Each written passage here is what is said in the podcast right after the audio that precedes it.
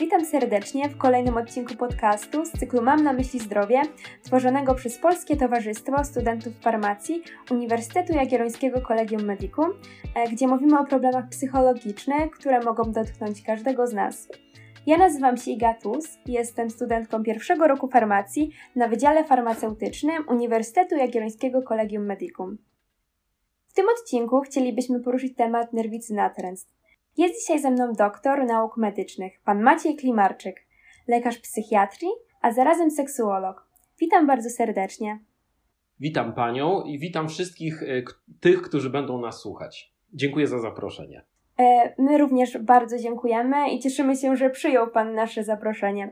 E, czy chciałby Pan nam na, tak na początek opowiedzieć w kilku zdaniach, czym się Pan zajmuje na co dzień? No, oczywiście.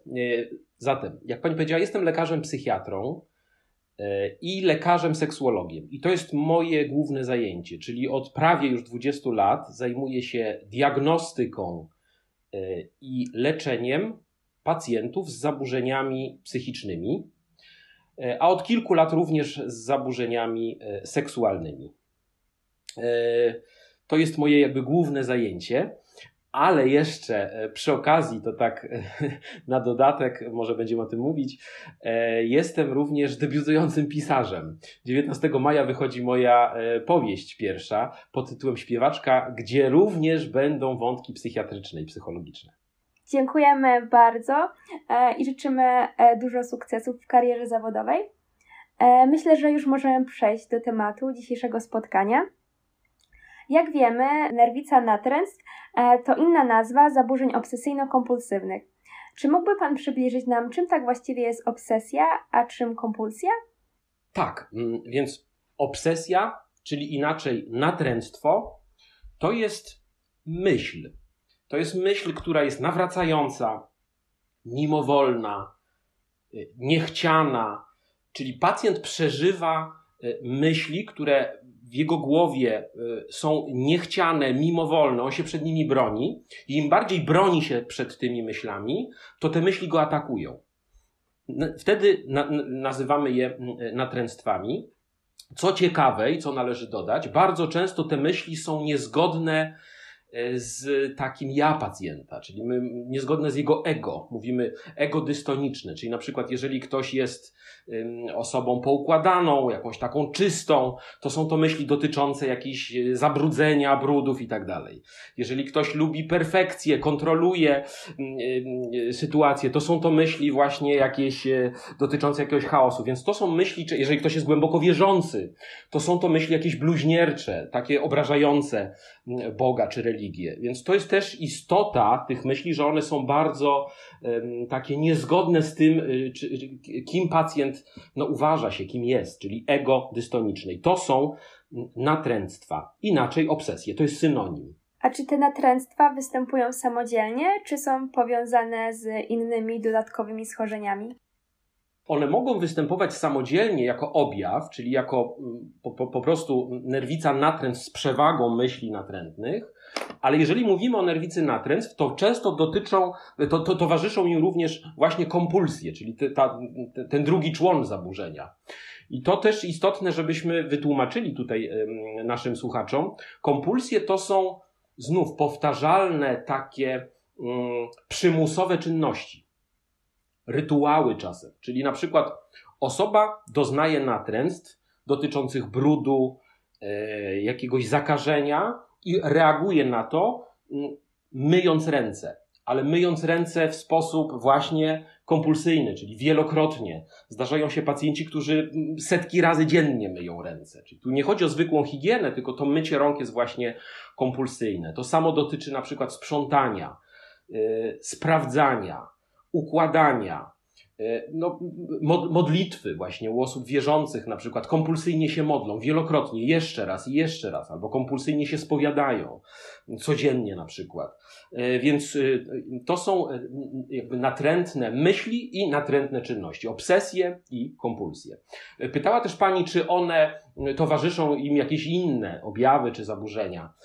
Często tak się dzieje. Po pewnym czasie na przykład dołączają się jakieś powikłania jeszcze związane ze zdrowiem psychicznym. No, osoba, która doznaje doznaje takich natrętnych myśli, wykonuje takie natrętne czynności i powtarzam, to są niechciane, ona tego nie chce, to jest taki wewnętrzny przymus. E, często powikłaniem jest po prostu depresja. Pojawia się obniżony nastrój, spowolnienie, brak chęci do życia, w skrajnych przypadkach nawet myśli samobójcze. Więc częstym powikłaniem po pewnym czasie nerwicy natręt może być pełnoobjawowa kliniczna depresja, różne stany lękowe, jakieś zaburzenia snu mm, i tak dalej, i tak dalej. A co pacjentowi dają takie poszczególne zachowania, które wykonuje e, w związku z zaburzeniem, e, z którym się zmaga, i co pacjent traci w związku z OCD? No, jednym słowem można powiedzieć, że krótkotrwałą ulgę. Bo jak to działa? Przychodzi natrętna myśl, sprawdź coś, albo na przykład umyj ręce. I ta myśl drąży, świdruje ten umysł pacjenta. To jest, jeszcze raz powtarzam, myśl niechciana, taka przymusowa. E, I towarzyszy temu silne napięcie. To jest też istota zaburzenia. Zawsze pacjenci się skarżą, że to nie jest myśl przyjemna. To jest myśl powodująca cierpienie, a więc napięcie. E, no więc pacjent myje te ręce po raz enty, sprząta po raz enty, układa i tak dalej, i tak dalej. I to jest krótkotrwała ulga. Czyli w tym momencie on odczuwa ulgę, ale ta ulga jest no, chwilowa. Ona może trwać y, minutę, ona może trwać kilkadziesiąt sekund, ona może trwać pół dnia, yy, a później ponownie. Ta sama myśl, napięcie, krótkotrwała ulga. Ta sama myśl, napięcie, krótkotrwała ulga. I tak bez końca. Istotą rzeczy jakby jest to, że tak naprawdę ta ulga jest złudna, bo jeżeli pacjenci ulegają tym myślom, wykonują te y, y, kompulsyjne czynności, to, y, to, no to życie jakby zamienia się w koszmar. Czyli jakby bardzo dużo tracą i z tej krótkotrwałej ulgi tak, na, tak naprawdę robi się znów jakby przewlekły stan jakiegoś takiego napięcia, niepokoju, lęku. Czyli to jest takie trochę, powiedziałbym, y, zaburzenie takie podstępne, tak? Czyli mam krótkotrwałą ulgę, bo wykonam po raz enty czynność, no ale później y, błędne koło nerwicy się kręci. Tak to, tak to mniej więcej wygląda. A czy prawdą jest, że ta choroba jest uwarunkowana genetycznie, którą gdzieś tam e, dziedziczymy z pokolenia na pokolenie? E, czy jest może jakaś zależność między typem osobowości, a częstotliwością występowania zaburzeń e, obsesyjno-kompulsywnych? Co do genetyki, to w pewnym sensie tak. To znaczy, nie jest to choroba dziedziczna w sensie mm, takim mm, sensu stricto. Czy dziedziczna to znaczy uwarunkowana przez jeden konkretny gen. Wiemy jaki gen y, ojciec miał, córka ma i tak dalej, i tak dalej. Dziedziczymy. To nie. Natomiast y, mówimy o tak zwanej podatności genetycznej. Czyli co to znaczy? W populacji ogólnej, gdybyśmy porównali populację ogólną i populację osób chorych, to y, u chorych częściej u krewnych różnego stopnia, bo to nie musi być ojciec czy matka, czyli najbliższe pokrewieństwo, może być dalsze. Mm, pewne cechy nerwicy natręt, czy, czy wręcz nerwica natręt występuje częściej, ale nie jest to dziedziczenie takie, jak na biologii się uczyliśmy mendlowskie. Więc podatność genetyczna tak, yy, ale żeby ta, podat, żeby ta podatność jakby ujawniła się, to muszą też no, zaistnieć pewne w cudzysłowie sprzyjające okoliczności, czyli jakiś yy, silny stres, jakieś yy, konkretne wychowanie takiego pacjenta. Jeżeli dziecko jest wychowywane w takim rygorze, że to jest groźne, tego nie rób, tutaj się ubrudzisz, jeżeli jest zabijana też jego taka swoboda na rzecz właśnie takiego pewnej sztywności, rygoru, to są to takie czynniki, które niestety później torują drogę e, nerwicy, nerwicy natręt. Natomiast co do osobowości, to jest y, też bardzo ciekawe. Otóż y, wyróżniamy taką osobowość, y, którą nazywamy osobowością anankastyczną. Anankastyczną to jest od od Anankę. Anankę to jest grecka bogini przymusu. E, więc osobowość anankastyczna to, jest, e, to są takie cechy osobowości, gdzie osoba jest właśnie skrupulatna, perfekcyjna, E, nie pozwala sobie na brak kontroli. Nad wszystkim musi mieć kontrolę, ale to, to, te cechy jeszcze nie przyjmują obrazu nerwicy natręstw. Czyli nie możemy tu mówić o natręctwach i kompulsjach, tylko o pewnych cechach osobowości. Często jak badamy pacjentów z zaburzeniem obsesyjno-kompulsyjnym, to doszukujemy się tych cech bo bardzo często te cechy przedchorobowo występowały. Ja często pytam pacjenta, czy u pana, pani no, są takie cechy, taka skrupulatność, czy jest pani perfekcyjna, czy pan, czy zawsze tak było. I często ci pacjenci mówią, tak, tak, no to są moje cechy, ale no nie do tego stopnia. W pewnym momencie zaburzenie się ujawniło i już jest pełnoobjawowy zespół e, właśnie obsesyjno-kompulsyjny. Natomiast te cechy anankastyczne, one bardzo często przedchorobowo E, współwystępują. Może być też osobowość anankastyczna, która jakby nie przeradza się w nerwicę natręt. No ktoś jest po prostu perfekcjonistą, nie, nie lubi spontaniczności, wszystko musi mieć pod kontrolą, wszystko musi sprawdzić, ale nie ma e, natręstw i kompulsji.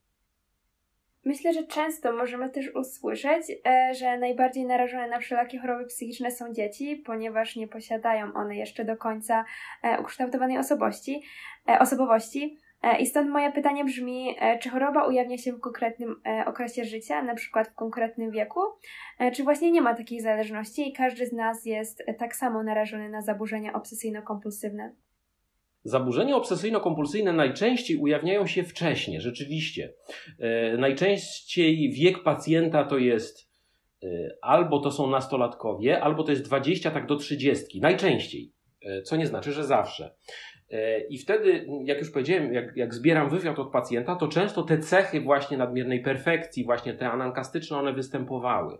I to jest najczęstszy e, jakby pacjent. Natomiast e, nerwica natręctw może się ujawnić w każdym wieku.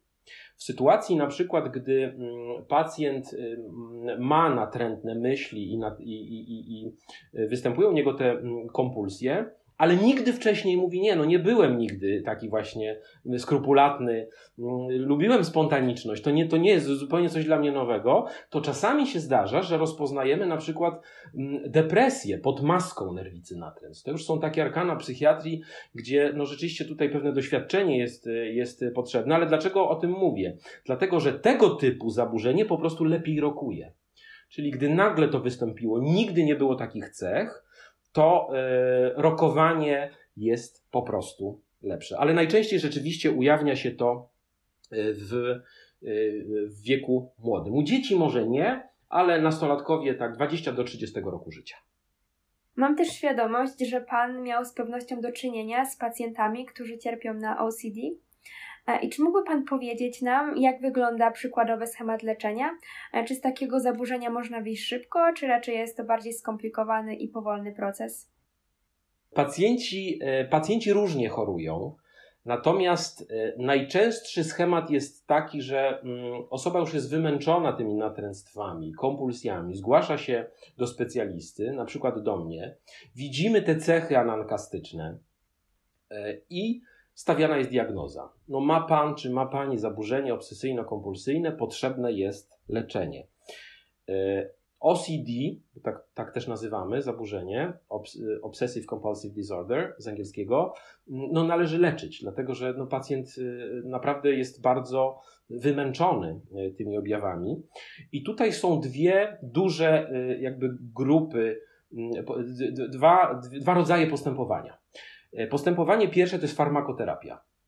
Włączamy leczenie farmakologiczne e, i mm, lekami z wyboru są to leki przeciwdepresyjne z grupy SSRI, czyli inhibitory zwrotnego wychwytu serotoniny. E, no, studenci farmacji, no to wymienię jak fluwoksamina, sertralina, paroksetyna. To są przedstawiciele tych leków. E, jest też starszy lek e, o nazwie klomipramina. To jest też lek, który jest stosowany. On jest nieco gorzej tolerowany, ale również skuteczny. I tutaj to leczenie rozpoczynamy mm, e, tą grupą leków. I najczęściej obserwujemy poprawę. U większości pacjentów ta poprawa rzeczywiście jest, jest widoczna. I to jest pierwsza, mm, pierwsza jakby duża grupa, mm, czyli leczenie farmakologiczne. E, drugi sposób leczenia no to jest psychoterapia. Korzystamy z psychoterapii poznawczo-behawioralnej, gdzie pacjent uczy się nowych schematów postępowania, e, uczy się ignorować te natręctwa, uczy się oddzielać je od właśnie własnego ja, bo pacjenci się bardzo martwią tymi natręctwami. Tutaj właśnie na psychoterapii pacjent no, uczy się, żeby, żeby gdzieś tam mieć pewien stosunek bardziej obojętny uczy się także powstrzymywać przed kompulsjami. To jest proces trudny, czasami wielotygodniowy albo wielomiesięczny, ale mm, dołączenie psychoterapii do e, farmakoterapii przynosi najlepsze skutki. Czasami zdarza się w łagodnym zaburzeniu, w, łagodnych, w łagodnym nasileniu e, objawów, że, i szczególnie wtedy, gdy pacjent jest niechętny do włączania leków, że korzysta się z samej psychoterapii. Natomiast w zaburzeniu nasilonym albo no, bardzo ciężkim e, sama psychoterapia jest niewystarczająca. Rozumiem, że proces leczenia nie jest prosty i w sumie niestety spodziewałam się takiej odpowiedzi.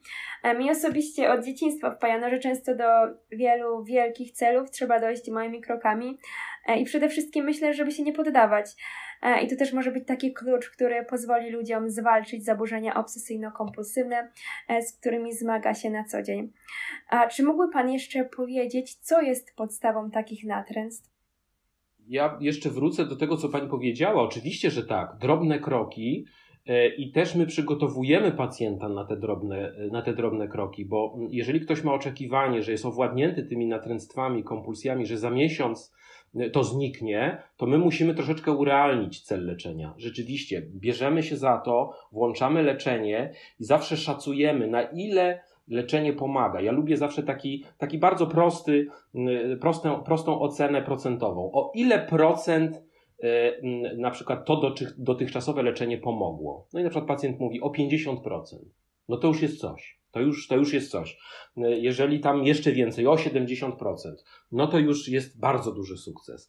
Natomiast, natomiast musimy być ostrożni z tym, że nagle wszystko zniknie, nie będzie żadnego natręctwa. To, to, ta, takich celów nie stawiamy, bo to, bo to, bo to są cele często nieosiągalne. Dlaczego? Dlatego, że natręctwa mamy wszyscy. I oczywiście to nie jest nerwica natręstw. A wracając do, do pytania, co jest jakby istotą natręstw, to, to ja powiem, że mm, napięcie, niepokój. Pacjent y, przeżywa natręctwa. One mm, wywołują y, y, taki przymus robienia różnych czynności, czyli kompulsje. Dlaczego on to robi? Dlatego, że odczuwa silne napięcie. Czasami pacjenci mówią, że to napięcie jest nie do wytrzymania i to rzeczywiście w nerwicy natręs tak jest i musimy tak, tak myśleć. To jest tak silny stan, to możemy sobie to wyobrazić tak, jakby, jakby naprawdę każdy z nas może zrobić taki eksperyment myślowy. W, w drugim pokoju jest żelazko, e, które zaczyna się palić. I my mamy przymus, żeby tam pobiec i je wyłączyć, bo już czujemy swąd. I to jest naprawdę silny przymus, któremu towarzyszy silne napięcie, niepokój, i my y, robimy to. Tylko problem polega na tym w nerwicy natręt, że tam nie ma tego żelazka włączonego. Y, więc to jest istota natręt, czyli silny, silne napięcie, silny niepokój. Y, no i, no i dlatego pacjenci po 100 razy y, albo i więcej jakby wykonują te kompulsje i nie potrafią sobie z tym właśnie poradzić. A czy w związku z obecną sytuacją, która panuje na świecie, E, można obserwować wzrost ilości osób, którzy zmagają się e, z zaburzeniami obsesyjno-kompulsywnymi. Chodzi mi oczywiście o sytuację, która jest, czyli jak wszyscy dobrze wiemy, pandemia COVID-19. Mhm. E, ja byłbym ostrożny mówiąc, czy jest wzrost. Tego, tego, tego nie wiem, bazując na własnym doświadczeniu jakby pracy w gabinecie psychiatrycznym, pracy z pacjentami. Natomiast ci pacjenci, którzy chorują e, na nerwicę natręstw, e, no to pandemię e, dosyć ciężko jakby przeżyli, czy, czy nadal to, to, to, to, to ma miejsce. Dlaczego? No bo proszę sobie wyobrazić, że jest pacjent, który właśnie boi się zakażenia. To jest jego natręstwo. Z tego powodu wykonuje jakieś kompulsyjne czynności, właśnie, czy pranie, czy nadmierna, nadmierna ta higiena, no, mycie rąk, odkażanie i tak dalej, i tak dalej. A tu nagle każą mu odkażać. Wszędzie. Wchodzimy do sklepu, każą odkażać ręce. Mówią, yy, każą odkażać, tak? Czyli niejako nasila się to zaburzenie. Mało tego, ja powiem, że mm, w gabinecie psychiatrycznym jako psychiatra mówię, nie, prze, przestań y, jakby nerwicowo reagować, a zobacz jak nie odkazisz to, co się stanie. To jest element pracy z pacjentami. A tu nagle ta metoda wzięła w łeb. Musimy poczekać aż, aż minie pandemia, aż te środki ostrożności, nienaturalne dla nas przecież, one mm, jakby miną. I właśnie dla tych pacjentów ten okres jest, jest bardzo trudny. E, zdarzył mi się też pacjent, który mi mówił, że, że jemu to pomogło, dlatego że to odkażanie dla niego, dla otoczenia było dziwactwem. Oni na niego patrzyli jak na dziwaka, natomiast teraz ma wytłumaczenie. No przecież odkaż, wszyscy odkażamy ręce po 100 razy, no więc to e, jakby przestał być dziwakiem. Okej, okay. natomiast nadal to jest nasilenie zaburzenia. Tak? Jak minie ta pandemia, wycofamy się z obostrzeń, to, e, no to tutaj e, jakby ta osoba będzie miała wiele, wiele trudniej. Więc tak bym powiedział, wzrost jeszcze nie wiem tego, nie, aż tak bym nie powiedział, natomiast u niektórych dość znaczne nasilenie zaburzenia, tak. A czy spotkał się Pan z OCD w życiu publicznym? E, I jak takie nerwice natręt są postrzegane przez społeczeństwo? Może zacznę od drugiej części pytania. E, przez społeczeństwo nerwica natręt jest postrzegana jako dziwactwo. I co do tego nie mam żadnej wątpliwości, bo to mi mówią też moi pacjenci. Jeżeli, e, jeżeli ktoś wykonuje kompulsyjne czynności, jakieś rytuały, jakieś dziwactwa, właśnie, to e, społeczeństwo tego nie rozumie. Traktuje go jako kogoś naprawdę dziwnego. Jest niska wiedza na ten temat. Y, jest problem w rodzinach, y, tworzą się konflikty.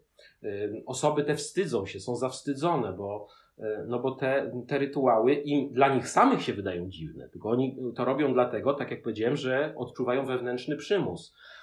Ludzie, którzy nie znają problematyki, jakby specyfiki tego zaburzenia, no rzeczywiście patrzą jak na, w cudzysłowie, ale to się zdarza takie określenie, jak na wariata dlatego warto jest mówić o nerwicy natręstw, edukować e, społeczeństwo, e, bo, bo mm, no to, to, to jest zaburzenie, które przynosi ze sobą bardzo dużo cierpienia.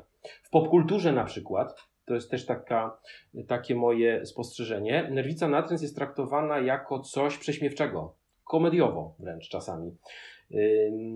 Tutaj podam przykład, na przykład był taki serial Detective Monk i to był detektyw, który miał nerwicę natręt, przedziwne rytuały, różne, co chwila to było w krzywym zwierciadle pokazane. I to było bardzo mm, y, jakby nakręcone z myślą, że to jest taka komediowa bardzo, e, bardzo sprawa. Natomiast no, nerwica natręctw e, nie ma e, za bardzo nic wspólnego z, ze śmiesznością czy z komedią. Mm, natomiast y, czy spotkałem się z OCD w życiu publicznym? Tak się zastanawiam. No, mm, ja nie wiem, czy ktoś, kto ma nerwicę natręt, a na przykład piastuje jakieś wysokie stanowisko, czy się do tego przyznaje, jeżeli chodzi o to w tym pytaniu. Natomiast to nie. To chyba nie wiem, czy, czy, czy znamy kogoś, kto, mm, no nie wiem, no, prezydent by miał nerwicę natręt, czy by się przyznał do tego. Nie mam pojęcia, nie, jakoś nie kojarzę takich osób. Natomiast y, spotykam się z reakcjami rodzin pacjentów. E, te rodziny czasami im towarzyszą podczas wizyty i rzeczywiście najczęściej to jest takie, e, takie niezrozumienie. No, on myje ręce po sto razy. No jak to? No niech mu pan powie, żeby on nie mył tych rąk. Takie na zasadzie takiej prostej odpowiedzi. No, no to co mu strzeliło do głowy?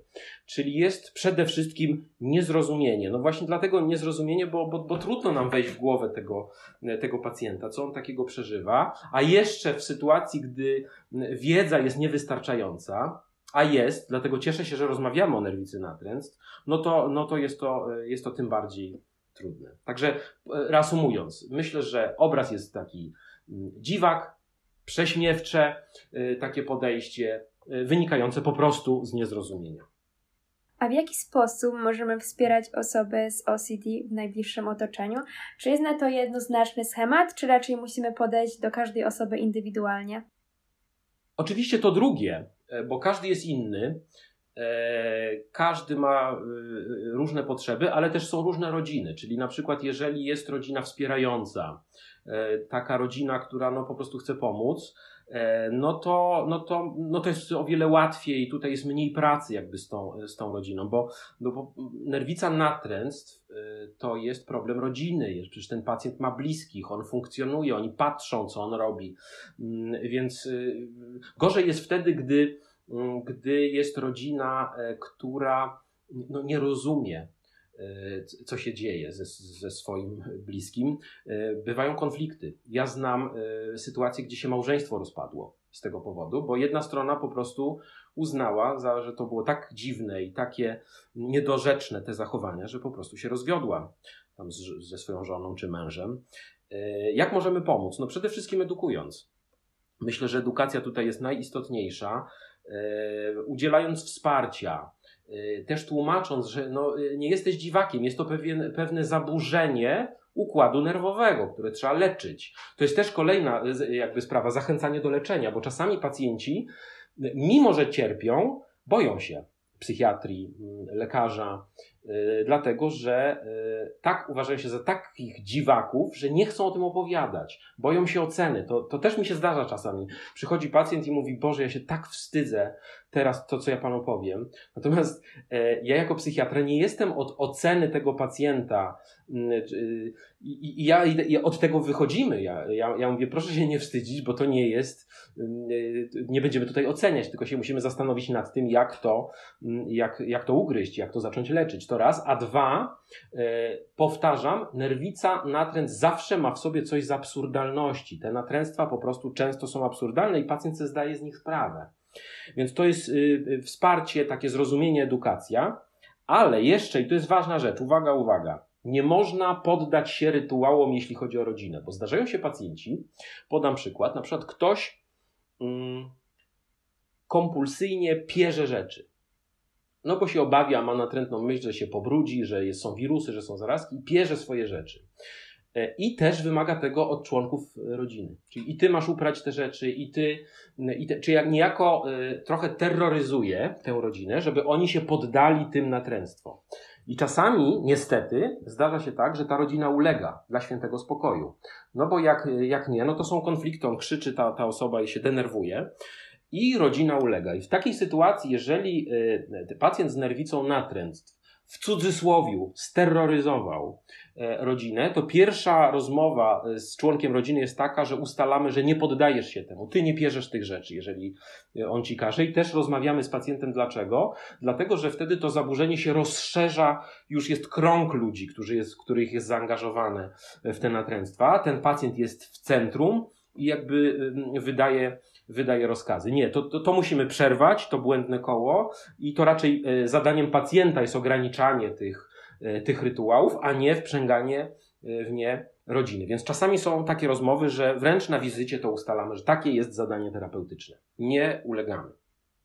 Myślę, że można byłoby jeszcze dużo, dużo, dużo opowiadać o nerwicy natręstw, bo jest to bardzo szeroki, interesujący, a, za, a zarazem bardzo ciężki temat. Jednakże czas naszego podcastu właśnie dobiegł końca. Także jeszcze raz bardzo dziękuję Panu za dzisiejsze spotkanie. E, bardzo dziękuję. E, dziękuję za zaproszenie i e, cieszę się, że Państwo jako studenci farmacji podjęliście temat nerwicy natręstw. My również bardzo dziękujemy oraz mamy nadzieję, że ta rozmowa i poruszone w trakcie niej tematy rozwija wśród dużej ilości osób wiele wątpliwości, a także, że ten podcast będzie takim bodźcem i siłą do walki dla ludzi, którzy na co dzień właśnie zmagają się z nerwicą natręstw. Dziękuję bardzo jeszcze raz.